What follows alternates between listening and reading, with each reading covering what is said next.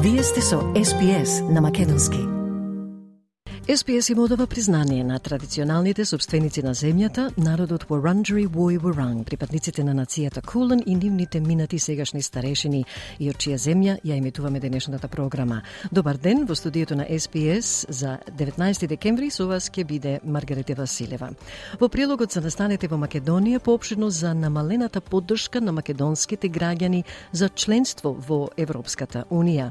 Од локалните теми предупредување за поголемо внимание при вежбање вежбањето на отворено на високи температури, за кои лекарите велат ова може трајно да ги оштети телесните органи. Илегалната миграција е и понатаму проблематична за европските земји и причина за потесната соработка меѓу Обединетото кралство, Италија и Албанија. А кон крајот, денеска како да направите подобар избор на храна за време на божикните и новогодишните празници. Сюзан Дженевски, здравствен едукатор со специализација за влијанието што минералите го имаат врз активирањето на клеточното здравје, ќе зборува за нас за некои од навиките што можат да му попречат на здравјето низ овој празничен период, но и како да се избегнат. Најпрвен проследете ги вестите на SPS со Ана Коталеска. Повели Ана. Благодарам Магарита, почитувани добар ден и од мене. Во овој билтен предупредувањата за поплави остануваат на сила во далечниот северен дел на Квинсленд. Истакнати лабористи се меѓу 200 сегашни и поранешни политичари кои повикуваат на траен прекин на огнот во Газа. И паѓа поддршката на македонските граѓани за членство во Европската Унија. На СПС на македонски следуваат вестите за 19 декември, јас сум Ана Готалеска.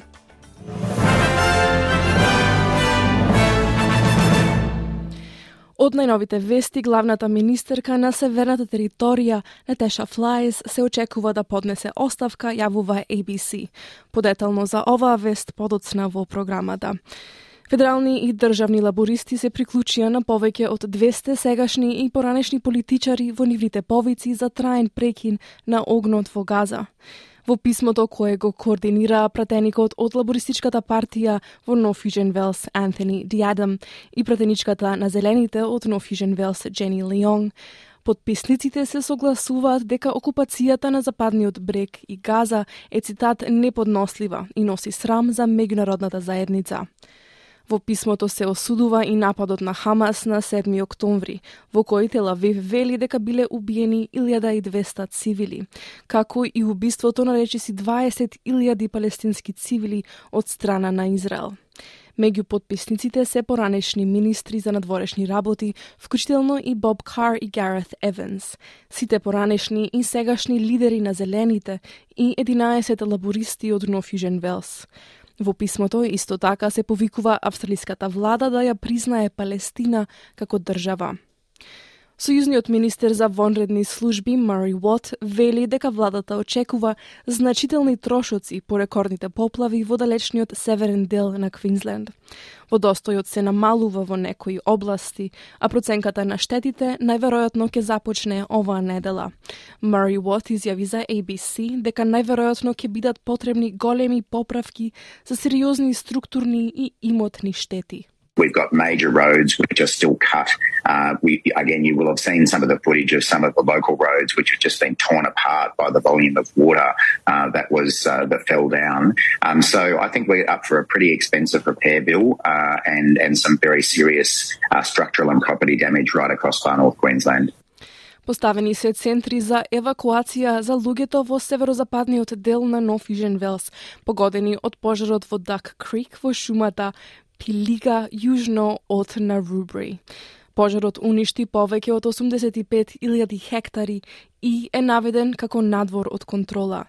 Антони Брадшит од руралната противпожарна служба на Нов Fusion Велс изјави за ABC дека засолништата се достапни за сите на кои им се потребни. There are two evacuation centres that have been set up. Uh, those evacuation centres are in both Narrabri and Gunnedah. Those evacuation centres will be able to get people uh, food, basic necessities, and a place to rest. Um, so if you, if you are looking for a place to go, then you can go to either of those evacuation centres. Од Министерството за здравство на Газа, управувано од Хамас, соопштија дека најмалку 110 луѓе се убиени во израелските воздушни напади во областа Джабалија во северна Газа.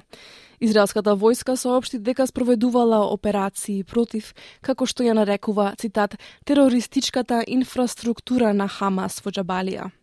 Во Нью Йорк Советот за безбедност на Обединетите нации ќе гласа за резолуција со која се повикува на цитат и тени одржлив прекин на непријателствата.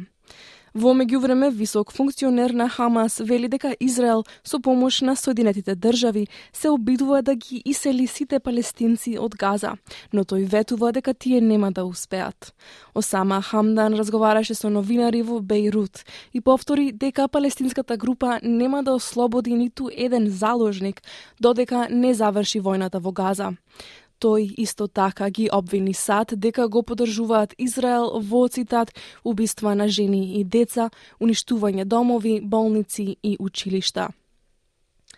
Секретарот за одбрана на САД Лојд Остен вели дека безбедноста во Црвеното море е меѓународен проблем за кој ќе се разговара кога министрите за одбрана од регионот ќе одржат онлайн состанок денеска.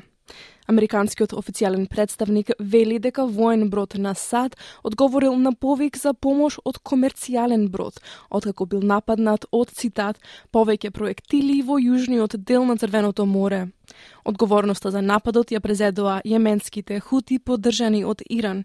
Остин рече дека цитат непромислените и опасни напади ги го прекршуваат меѓународното право.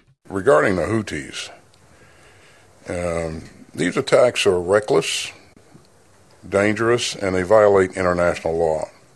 And so we're taking action to uh, build an international coalition to address this threat. And I would remind you that this is not just a U.S. issue. Uh, this, is, this is an international problem, and it deserves an international uh, response. Расположението за членство на Македонија во Европската Унија е на најниско ниво во последните 10 години.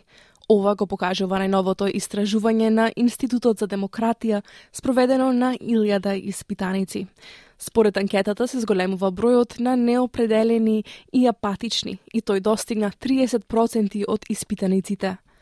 Според објавените анализи, 53% од младата популација од 18 до 24 години го поддржува членството во Европската Унија, а 66% од граѓаните сметаат дека Македонија не е подготвена за членство, додека тој процент минатата година изнесуваше 51.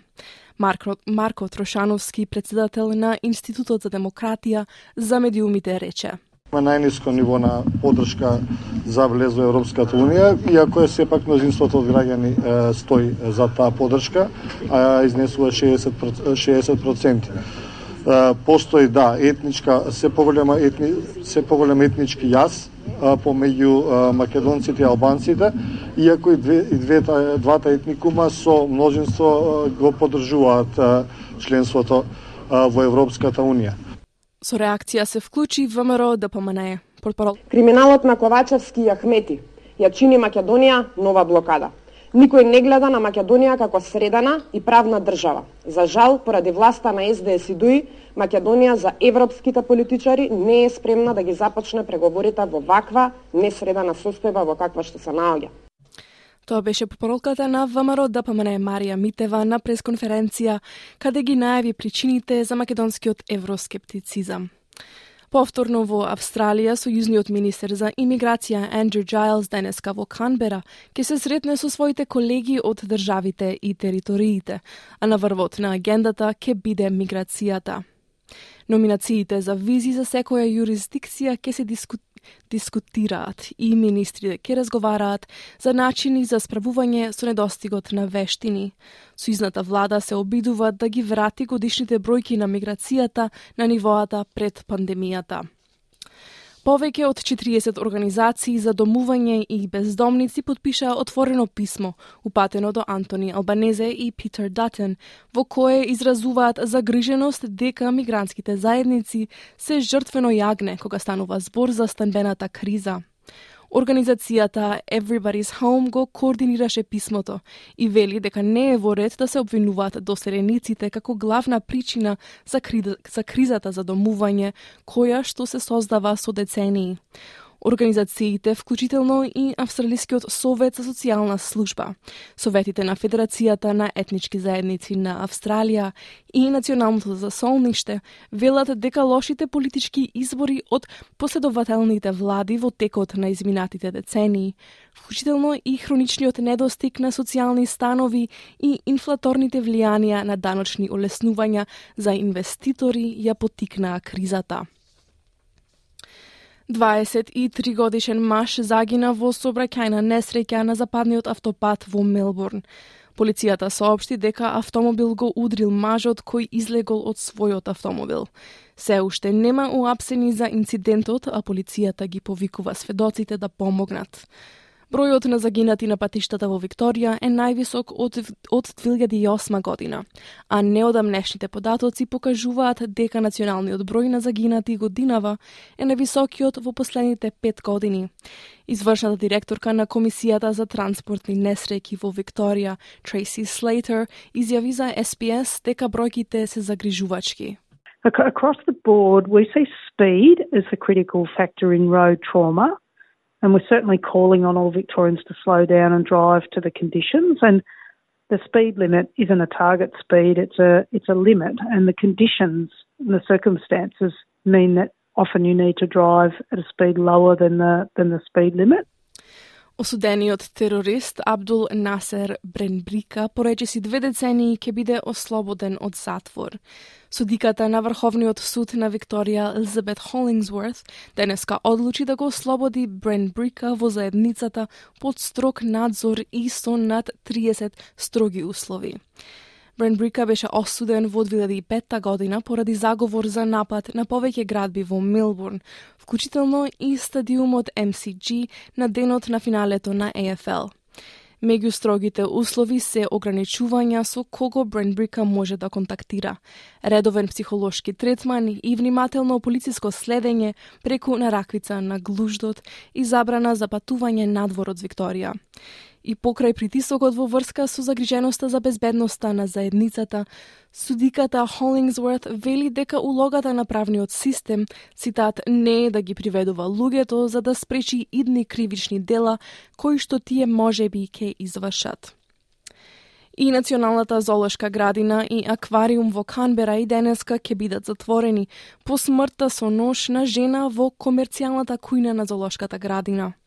Полицијата го пронашла телото на 29 годишна жена вработена во магазин во Золошката. Друг вработен, 29 годишен маж, сега е во притвор. Полицијата соопшти дека тој се здобил само со убодни рани. Ако вие или некој што го познавате има потреба од поддршка, јавете се на Beyond Blue на 1300 224 636 или јавете се на Lifeline на 131114. Во итен случај, секогаш јавете се на 000.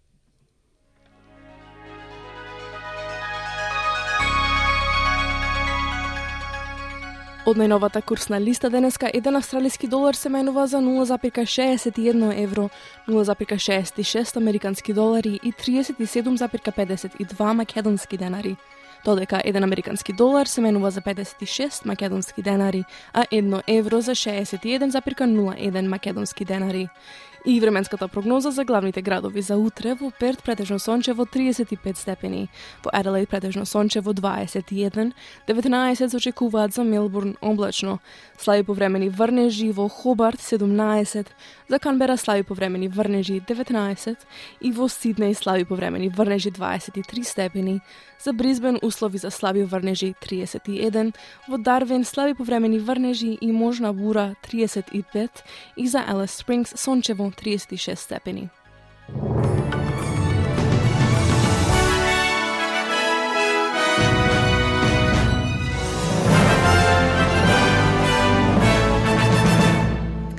Благодарам, Ана. Денешниот билтен Вести на СПС со Ана Коталеска ќе биде достапен на нашите веб и фейсбук страници малку подоцна во денот.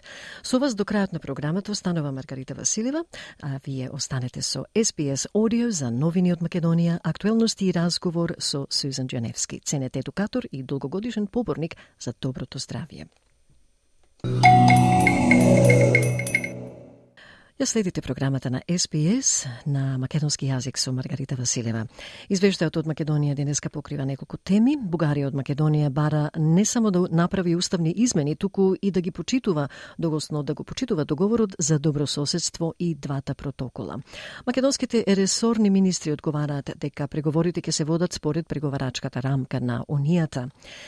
И цитат потребна да е нова влада која ќе се грижи за националните интереси, затворен цитат, се вели во реакцијата на ВМРО ДПМН и паѓа поддршката на граѓаните за членство во Европската Унија. Денеска од Македонија известува нашиот редовен соработник Бране Стефановски.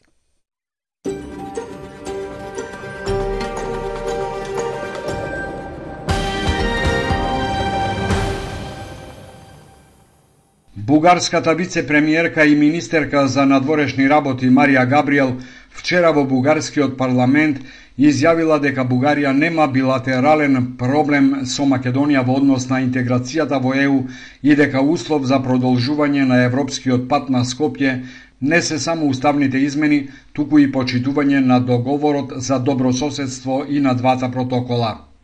Габриел рекла дека се одржани два технички состаноци во јули во Софија и во октомври во Скопје, на кои е констатирано дека нема напредок. Македонската влада смета дека ова не е загрижувачка порака. Прв изјавата на Габриел ја прокоментира вице-премиерот за европски прашања Бојан Маричич.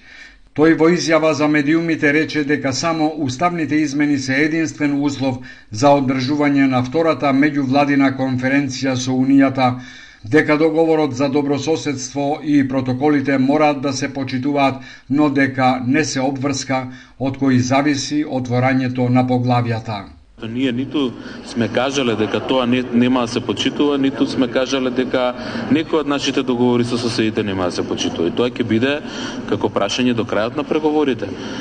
Протоколите што се подпишани се спроведуваат и треба да се спроведуваат, но тоа не е услов за отварање на првиот кластер. Единствен услов за отварање на првиот кластер се уставните измени. И тоа јасно го пишува во заклучоците на Европскиот совет. Истиот став го застапува и министерот за надворешни работи Бујар Османи. Тој изјави дека на последниот самит на ЕУ имало доставено барање за почитување на протоколите, но тој вели дека единствен услов земјава да го продолжи евроинтегративниот пат се уставните измени. Не е многу важно сега дали Бугарија во иднина ќе има нови барања. Важно е дека ние создадовме зид на кој било кој бугарски барања ќе удрат а тој ѕид се нарекува преговарачка рамка. Преговарачката рамка има јасно утврдени пори што може да пропушти, што не може да пропушти. Дека уставните измени нема да бидат последната пречка, постојано повторува и опозицијата во земјава, поради што одбива да се согласи на менување на уставот. ВМРО ДПМН е смета дека тоа е само почеток на бугарските барања. Во вчерашната писмена реакција на ВМРО ДПМН се вели – Од почетокот на преговорите со ЕУ на Украина и на Молдавија видовме дека се се може ако се сака. Ако ЕУ имаше интерес да почнеме преговори, ќе најдеше начин да ја убеди Бугарија. Почетокот на преговорите за Украина и Молдавија е доказ дека причина зошто не сме почнале преговори со ЕУ не е Бугарија, туку криминалот и корупцијата на власта не запира да зачудува мазохизмот на СДС и ДУИ, кои по сите добиени шамари и јасни сигнали дека во Македонија има епидемија на корупција, тие продолжуваат да спроведуваат штетни политики наместо да понесат одговорност. Со СДС и со ДУИ Македонија не може подобро. Потребна е нова влада која ќе се грижи за националните интереси и ќе се бори против криминалот и корупцијата, се вели во реакцијата на ВМРО да ДПМНЕ. На панел дискусијата организирана од фондацијата Фридрих Хеберт посветена на проширувањето на унијата, премиерот Ковачевски и вчера повтори дека единствен виновник што земјава не ги почна преговорите е ВМРО да ДПМНЕ. На последниот самит на ЕУ Македонија имаше празен гол и чист пенал, но не го искористи поради опозицијата. Ковачевски на трибината рече дека ништо не е загубено. 2030-та и натаму е достижна година за членство во Унијата. Проблемот е што некој заради личен политички профит, заради лична политичка агенда, сакаше да ја повтори 2008 година и ја повтори 2008 година. Јас разбирам вие да кажете дека нешто нема да направите, ама да кажете што е алтернативата. Овде нема алтернатива. Ние не треба да бидеме дефетисти воопшто, бидејќи овој процес не е завршен. И овој процес ќе продолжи и ќе заврши успешно. Зошто ќе заврши успешно? Бидејќи нема друга алтернатива. Последниот самит на Европската Унија минатата недела за Македонија заврши само со препорака за уставни измени, додека европските лидери успеаја да го заобиколат најавеното вето на Унгарија и донесоа одлука за почеток на преговорите со Украина и со Молдавија. Расположението за членство на Македонија во ЕУ во земјава е на најниско ниво во последниве 10 години. Ова го покажува најновото истражување на Институтот за демократија спроведено на илјада испитаници. Според анкетата се зголемува бројот на неопределени и апатични и тој достигна 30% од испитаниците. Според објавените анализи, 53% од младата популација од 18 до 24 години го поддржува членството во ЕУ, а 66% од граѓаните сметаат дека земјава не е подготвена за членство, додека тој процент минатата година изнесуваше 51. Марко Трошановски, председател на Институтот за демократија за медиумите рече има најниско ниво на поддршка за влез во Европската Унија, иако е сепак мнозинството од граѓани е, стои за таа поддршка, а изнесува 60%. 60%. Постои да етничка се поголема етни се поголем етнички јас помеѓу македонците и албанците, иако и, две, и двете, двата етникума со множинство го поддржуваат членството во Европската Унија. Со реакција се вклучи во МРОДПМНЕ. Портпаролката Марија Митева на пресконференција ги наведе причините за македонскиот евроскептицизам. Криминалот на Ковачевски и Ахмети ја чини Македонија нова блокада. Никој не гледа на Македонија како средана и правна држава. За жал, поради власта на СДС и ДУИ, Македонија за европските политичари не е спремна да ги започне преговорите во ваква несредана состојба во каква што се наоѓа. Затоа на Македонија ја потребен комплетен рестарт, борба со криминалот и корупцијата и дипломатија со капацитет, која ќе представува Македонија достоинства. Членството во ЕУ е многу важно за 40 насто од населението, додека за 20 насто воопшто не е важно. Македонците се попесимистични во поглед на европскиот пат на државата во однос на албанците.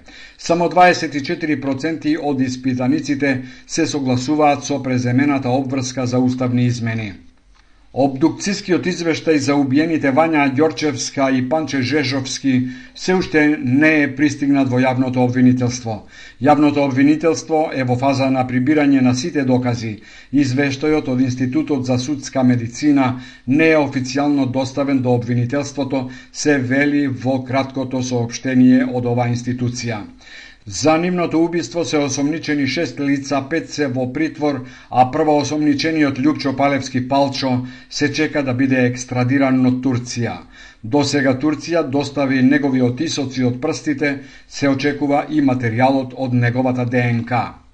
Убиството на 14 годишната Вања Ѓорчевска го забрза процесот на заокружување на системот за рано предупредување на исчезнатите лица. Имено вчера почна да функционира веб страницата Најдиме Орага МК, која е дел од меѓународниот систем за рано предупредување на исчезнатите деца Амбер Алет во земјава познат како Најдиме. Македонскиот Амбер Алет е правен по моделот на австрискиот, а платформата ќе функционира на македонски, на албански и на ромски јазик со помош на Мавара. Министерот за образование и наука Јетон Шачири пред новинарите рече дека се потребни заложби за негова континуирана надградба. Тој да биде интегриран и поврзан помеѓу поврзување на добивање на информации веднаш после внесување на податоците Од почетокот на годинава, заклучно со декември, пријавени за исчезнати се 69 лица, четири од нив се деца, поголем број се пронајдени или сами се вратиле, а потрагата трае по 22 лица, од кои две се деца.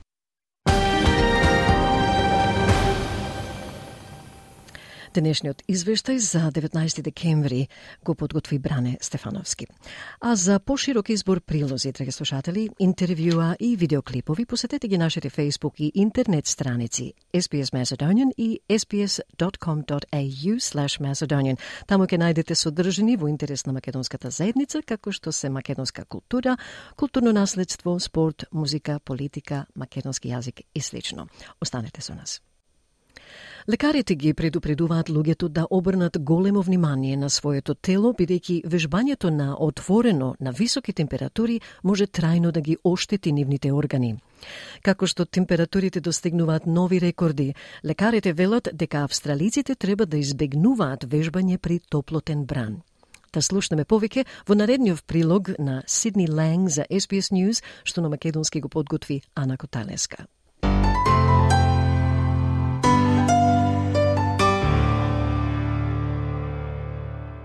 Со почетокот на летото во Австралија се поставуваат и нови температурни рекорди, а здравствените експерти ги предупредуваат луѓето за опасноста од вежбање на екстремни горештини. Сиднеј, што току ги доживеа најжешките први две недели од летото во последните 160 години откако започнаа записите. Сепак се чини дека температурите нема да ги спречат некои од редовните посетители на теретаната на отворено на Бондај Бич, кои велат дека времето не е изговор за пропуштање на тренинг. It's never too hot to work out outdoors. It's not hot enough. Let's go. Heat is just not it for me. Anything above 30, it becomes like hazardous. Between 30 to 40 degrees. you can use any temperature as an excuse of not to work out, but really at Bondi it's never too hot. Но лекарот и истражувач за влијанието на високи температури од Австралискиот национален универзитет доктор Саймон Куилти вели дека истражувањата покажуваат дека вежбањето при екстремна топлина може да има трајни последици врз телото. Доктор Куилти вели дека влијанието на продолжената изложеност на напор во топло време е нешто што лекарите на вистина го разбрале за прв пат во последните пет или шест години. Тој вели дека тоа може трајно да влијае врз бубрезите и други делови на телото. Доколку луѓето сакаат да живеат долго и да бидат здрави, тие треба да живеат во рамките на ограничувањата на денешната клима, вели тој. As the research is coming out, it's becoming more and more apparent that regular prolonged exposure to exertion in hot weather damages your bodies permanently and can, for instance, will definitely do permanent damage to your kidneys. And that's something that we've only really known about over the last five or six years. So this problem of extreme heat and how it interacts with our bodies is something that's really only just starting to come under investigation.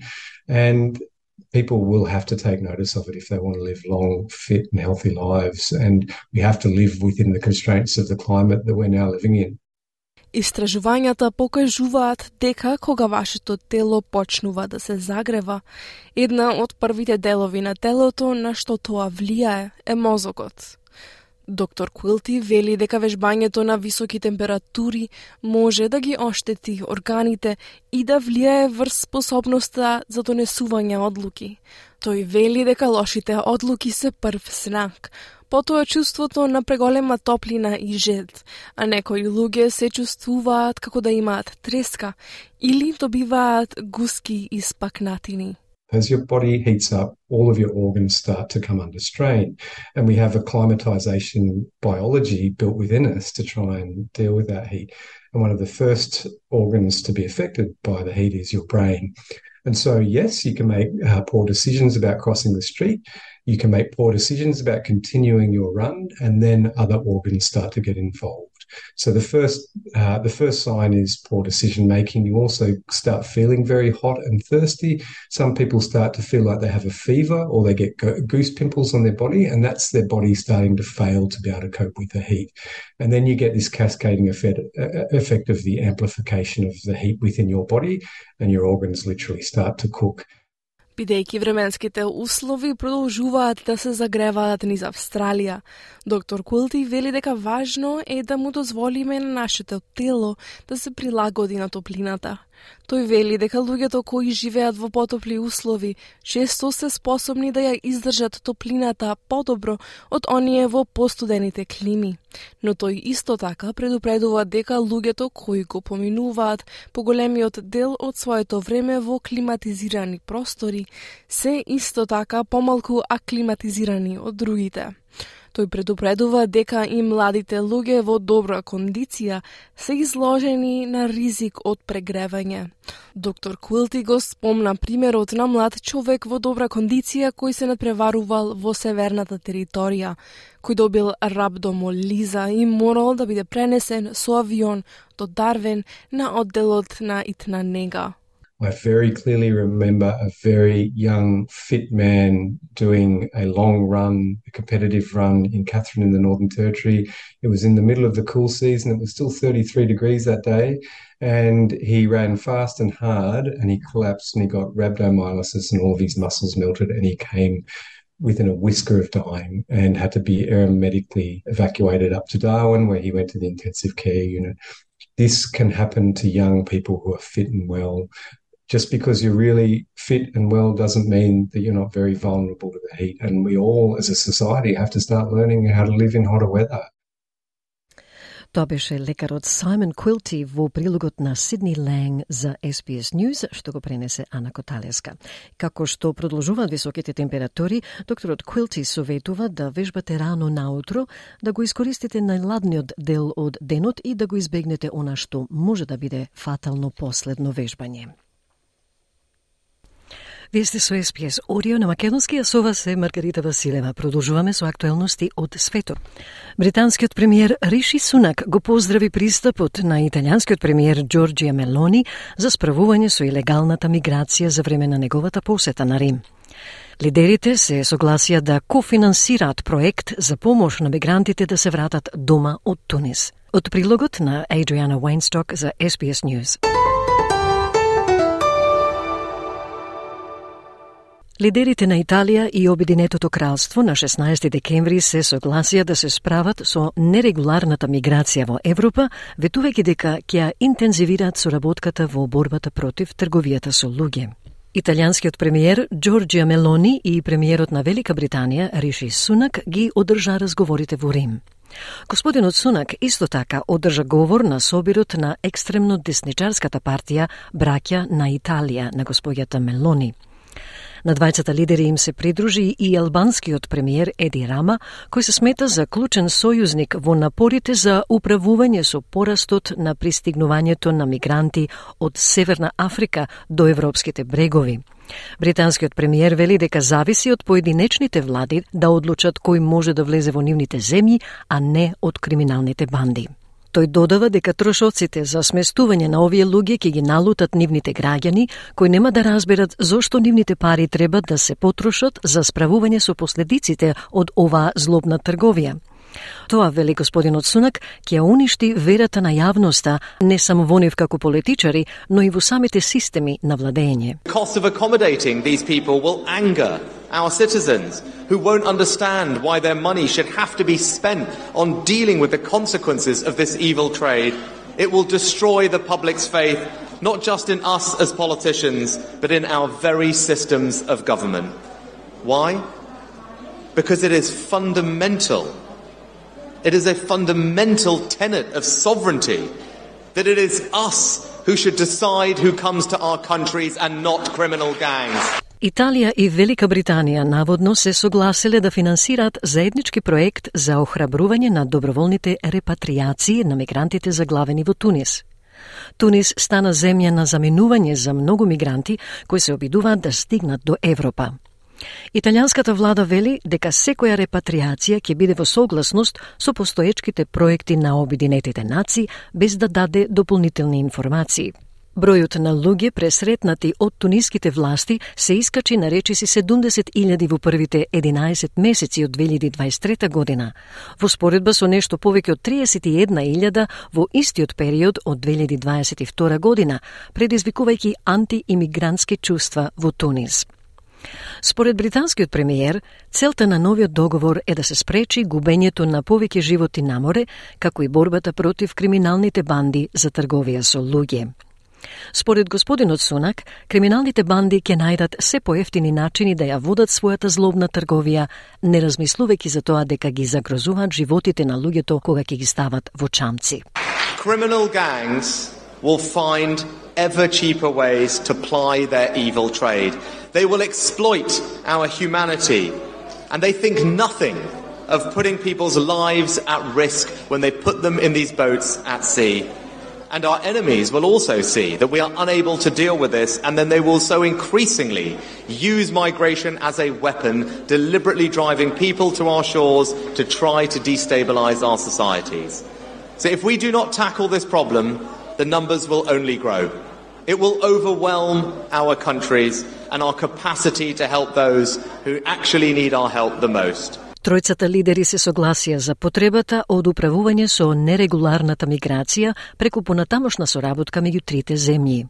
Господинот Рама вели дека новиот договор треба да стапи на сила наскоро и дека до март е максималната граница. Entro marzo è By March is the maximum limit, but I believe and I am confident that the decision will be taken much earlier, because it is a very important agreement between two states, and the two governments need to know whether they can go ahead or not without losing too much time. Se possono andare avanti o no, senza perdere tanto tempo. Но премиерот Сунак вели дека работата за справување со илегалната имиграција веќе е започната и дека неговата влада покажа дека одвраќањето функционира.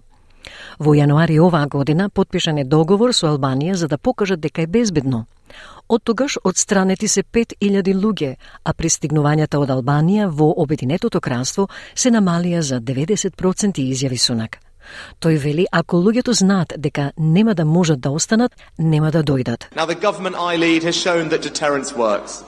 In January of this year, we signed an agreement with Albania to show that it is safe, and since then, we have removed 5,000 people, and arrivals from Albania to the UK have fallen by 90%. If people know that they won't get to stay, then they won't come.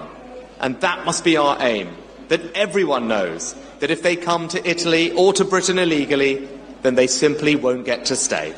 Светската банка проценува дека глобалното затоплување би можело да пресели 143 милиони луѓе во субсахарска Африка, Азија и Латинска Америка до 2050 година. Иако повеќето ќе останат во или во близина на нивните матични земји, голем број од оние кои доаѓаат од Африка и Западна Азија ќе се упатат кон Европа. Многу луѓе умираат обидувајќи се да стигнат до Европа. Во последните денови, најмалку 61 мигрант загинаа во близина на брегот на Либија, кога нивниот брод се преврте. Од прилогот на Adriana Weinstock за SBS News.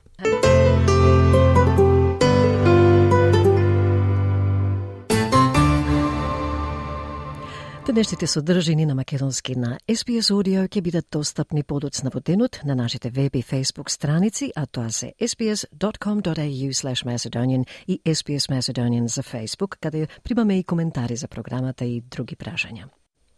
Вие сте со програмата на македонски јазик на SBS Audio, а со вас е Маргарита Василева.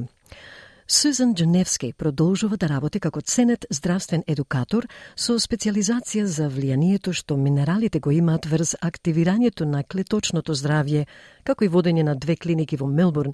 Господјата Дженевски поседува формални квалификации и во образованието и во хомеопатијата. Со незиното 25 годишно искуство и работата со фирмата Martin and Pleasants како здравствен амбасадор и менаджер за обука, Сузан ги инспирира сите што ги запознава за важноста на рамнотежата помеѓу телото и умот. Таа често е поканета да пишува написи за списанија и има редовна колумна во светското списание за здравје Alive.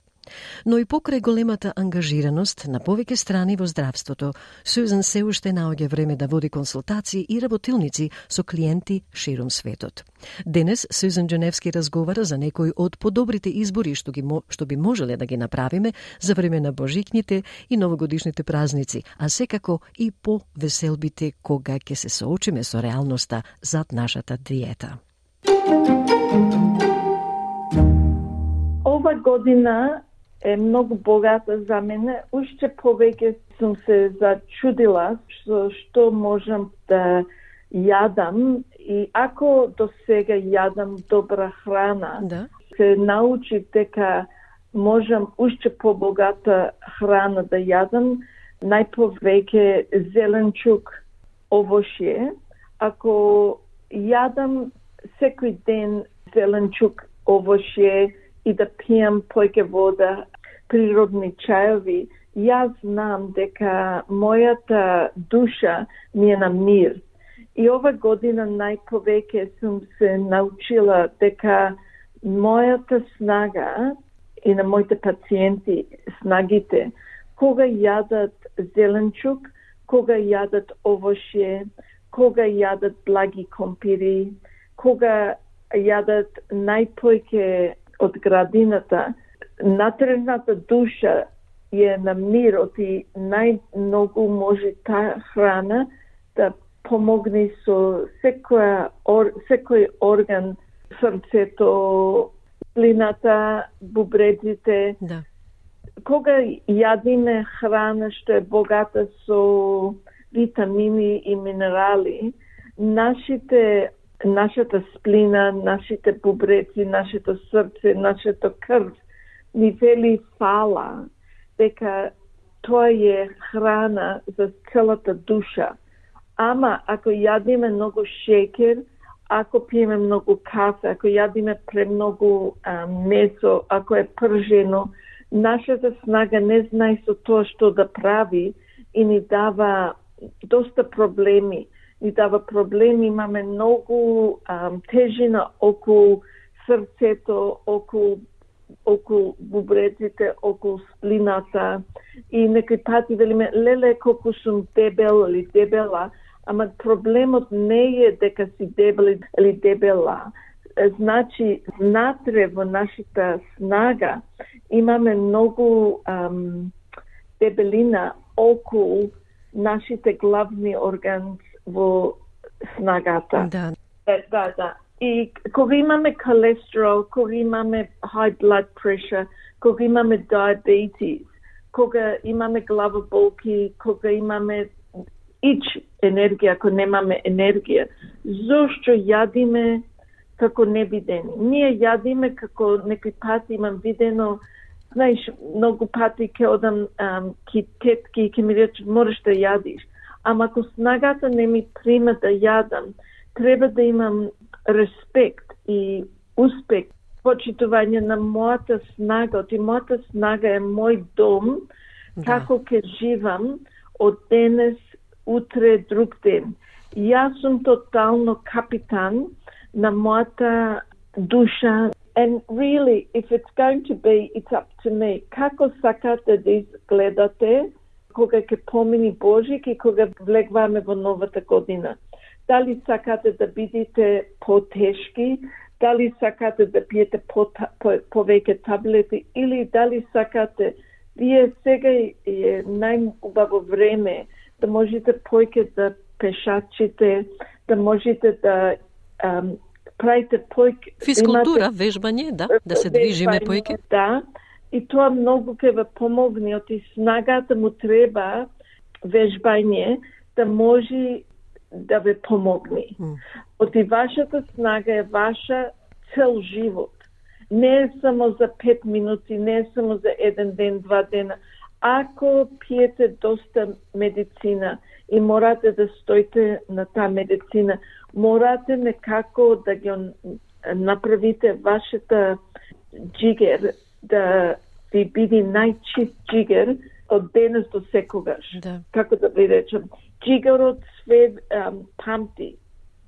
И ако уште um, јадите пржено, морате некако да урните од толку јадење пржено, е подобро да јадите храна што е grilled. Како се вели grilled маргарита? на скара. На скара. Или um, како што правиме манджи. А месо кога е сварено Да. е подобро за телото него месо што е пржено. Оти снагата може да го Да го разработи. Да, да, да. И затоа треба да ви кажам дека зеленчук, да јадите супа, да јадите манджи, е многу подобро за снагата него да јадите пржено месо. Оти прженото месо зева доста време за вашето тело да го направи во витамини и минерали. Уште неколку недели ќе ги прославиме Божек и Нова година, Сюзен. Каков совет бисте дале на сите кои ја обожаваат македонската кујна? Познатите, нели, балкански специалитети се многу вкусни, а, но може да бидат и премногу богати, како што велите, со помало внимание на хранливоста во некој од состојките или рецептите. Што можеме да избегнеме, што треба да се избегнува и што може да направиме нашите јадења да бидат многу подобри за здравјето? Јас сакам да почнам да ви, ви речем на сите зошто почни, го почнуваме денот да јадиме пред да излезиме. Некој пати ќе излезиме, одиме некаде за Божик, за ручек или за вечера. Да. И зо, зошто станваме рано и јадиме како да нема да нема јадење во тој ден. Ако знаеме дека ќе има јадење попослед, Да. ние треба да му дадеме на снагата малку мир. На снагата можеме да пешачиме за 15-20 минути, да изработаме снагата од храната што беше со нас денот пред тоа. Да. И би било добро да се напиеме доста вода или природен чај и да ни почне снагата да изработува во денот што му треба. So for instance, I would wake up. I would say to my body, thank you for waking up with me. I would go for my walk. I would drink a few glasses of water. I always encourage uh, rinsing your mouth out in the morning, um, drinking and spitting it out. You know, you rinse your mouth, spit it out. Yes. Don't put in your basin because of the acid. I would just be putting it in the bin. And then I would put some fresh lemon and some ginger or some honey in some warm water. You never ever wake up drinking water from the fridge. And if I can encourage that you start your day with lukewarm water, but nothing from the fridge, I believe that as Macedonians, and I go to a lot of Macedonian functions, there's always ice water. Yes. When we drink ice water, we're reducing the temperature of the body, and the body has to use up all your nutrition in that day to heat it up so you get to the pH balance that's needed in your blood.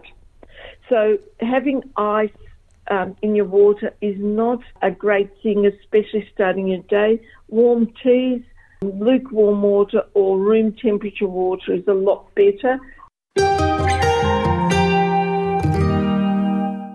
Слушнавте од познатата едукаторка за здравјето Сюзан Дженевски, која живее и работи во Мелбурн и со која ќе продолжиме да разговараме за добрата исхрана во наредните денови и недели на нашата програма. А за крај да се подсетиме на главните вести на СПС.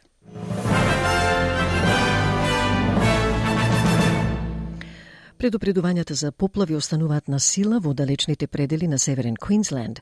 Истакнати лабористи се меѓу 200 сегашни и поранешни политичари кои повикуваат на траен прекин на огнот во Газа. Паѓа потршката на македонските граѓани за членство во Европската Унија. И една вест која беше објавена во текот на нашата програма, ABC најави дека главната министерка на северната територија Наташа Файлс веројатно ќе поднесе оставка по Пладнево по речиси една година на власт. Лидерката на лабористите е вклучена во скандал поради необјавени акции што ги поседува во South 32, во чија собственост е рудник за манган во оддалечената заедница Groot Island. Членовите на заедницата со години повикуваат на владино тестирање за влијанието на рудникот врз здравјето, но Предходно оваа година госпогицата Фалс рече дека владата нема да ги истражува нивото на загаденоста на воздухот или влијанието врз здравјето по тие барања, велики дека веќе постои соодветен мониторинг.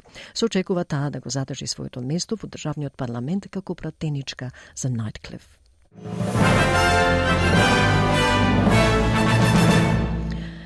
Ете, тоа е се што можевме да вклучиме во програмата за 19 декември, почитувани слушатели. Ве очекуваме повторно утре, среда во исто време.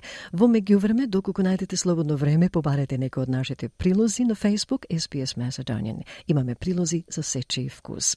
А до тогаш од Маргарита Василева, се најдобро. Сакате ли да чуете повеќе прилози како овој? Слушате подкаст преку Apple Podcasts, Google Podcasts, Spotify или од каде и да ги добивате вашите подкасти.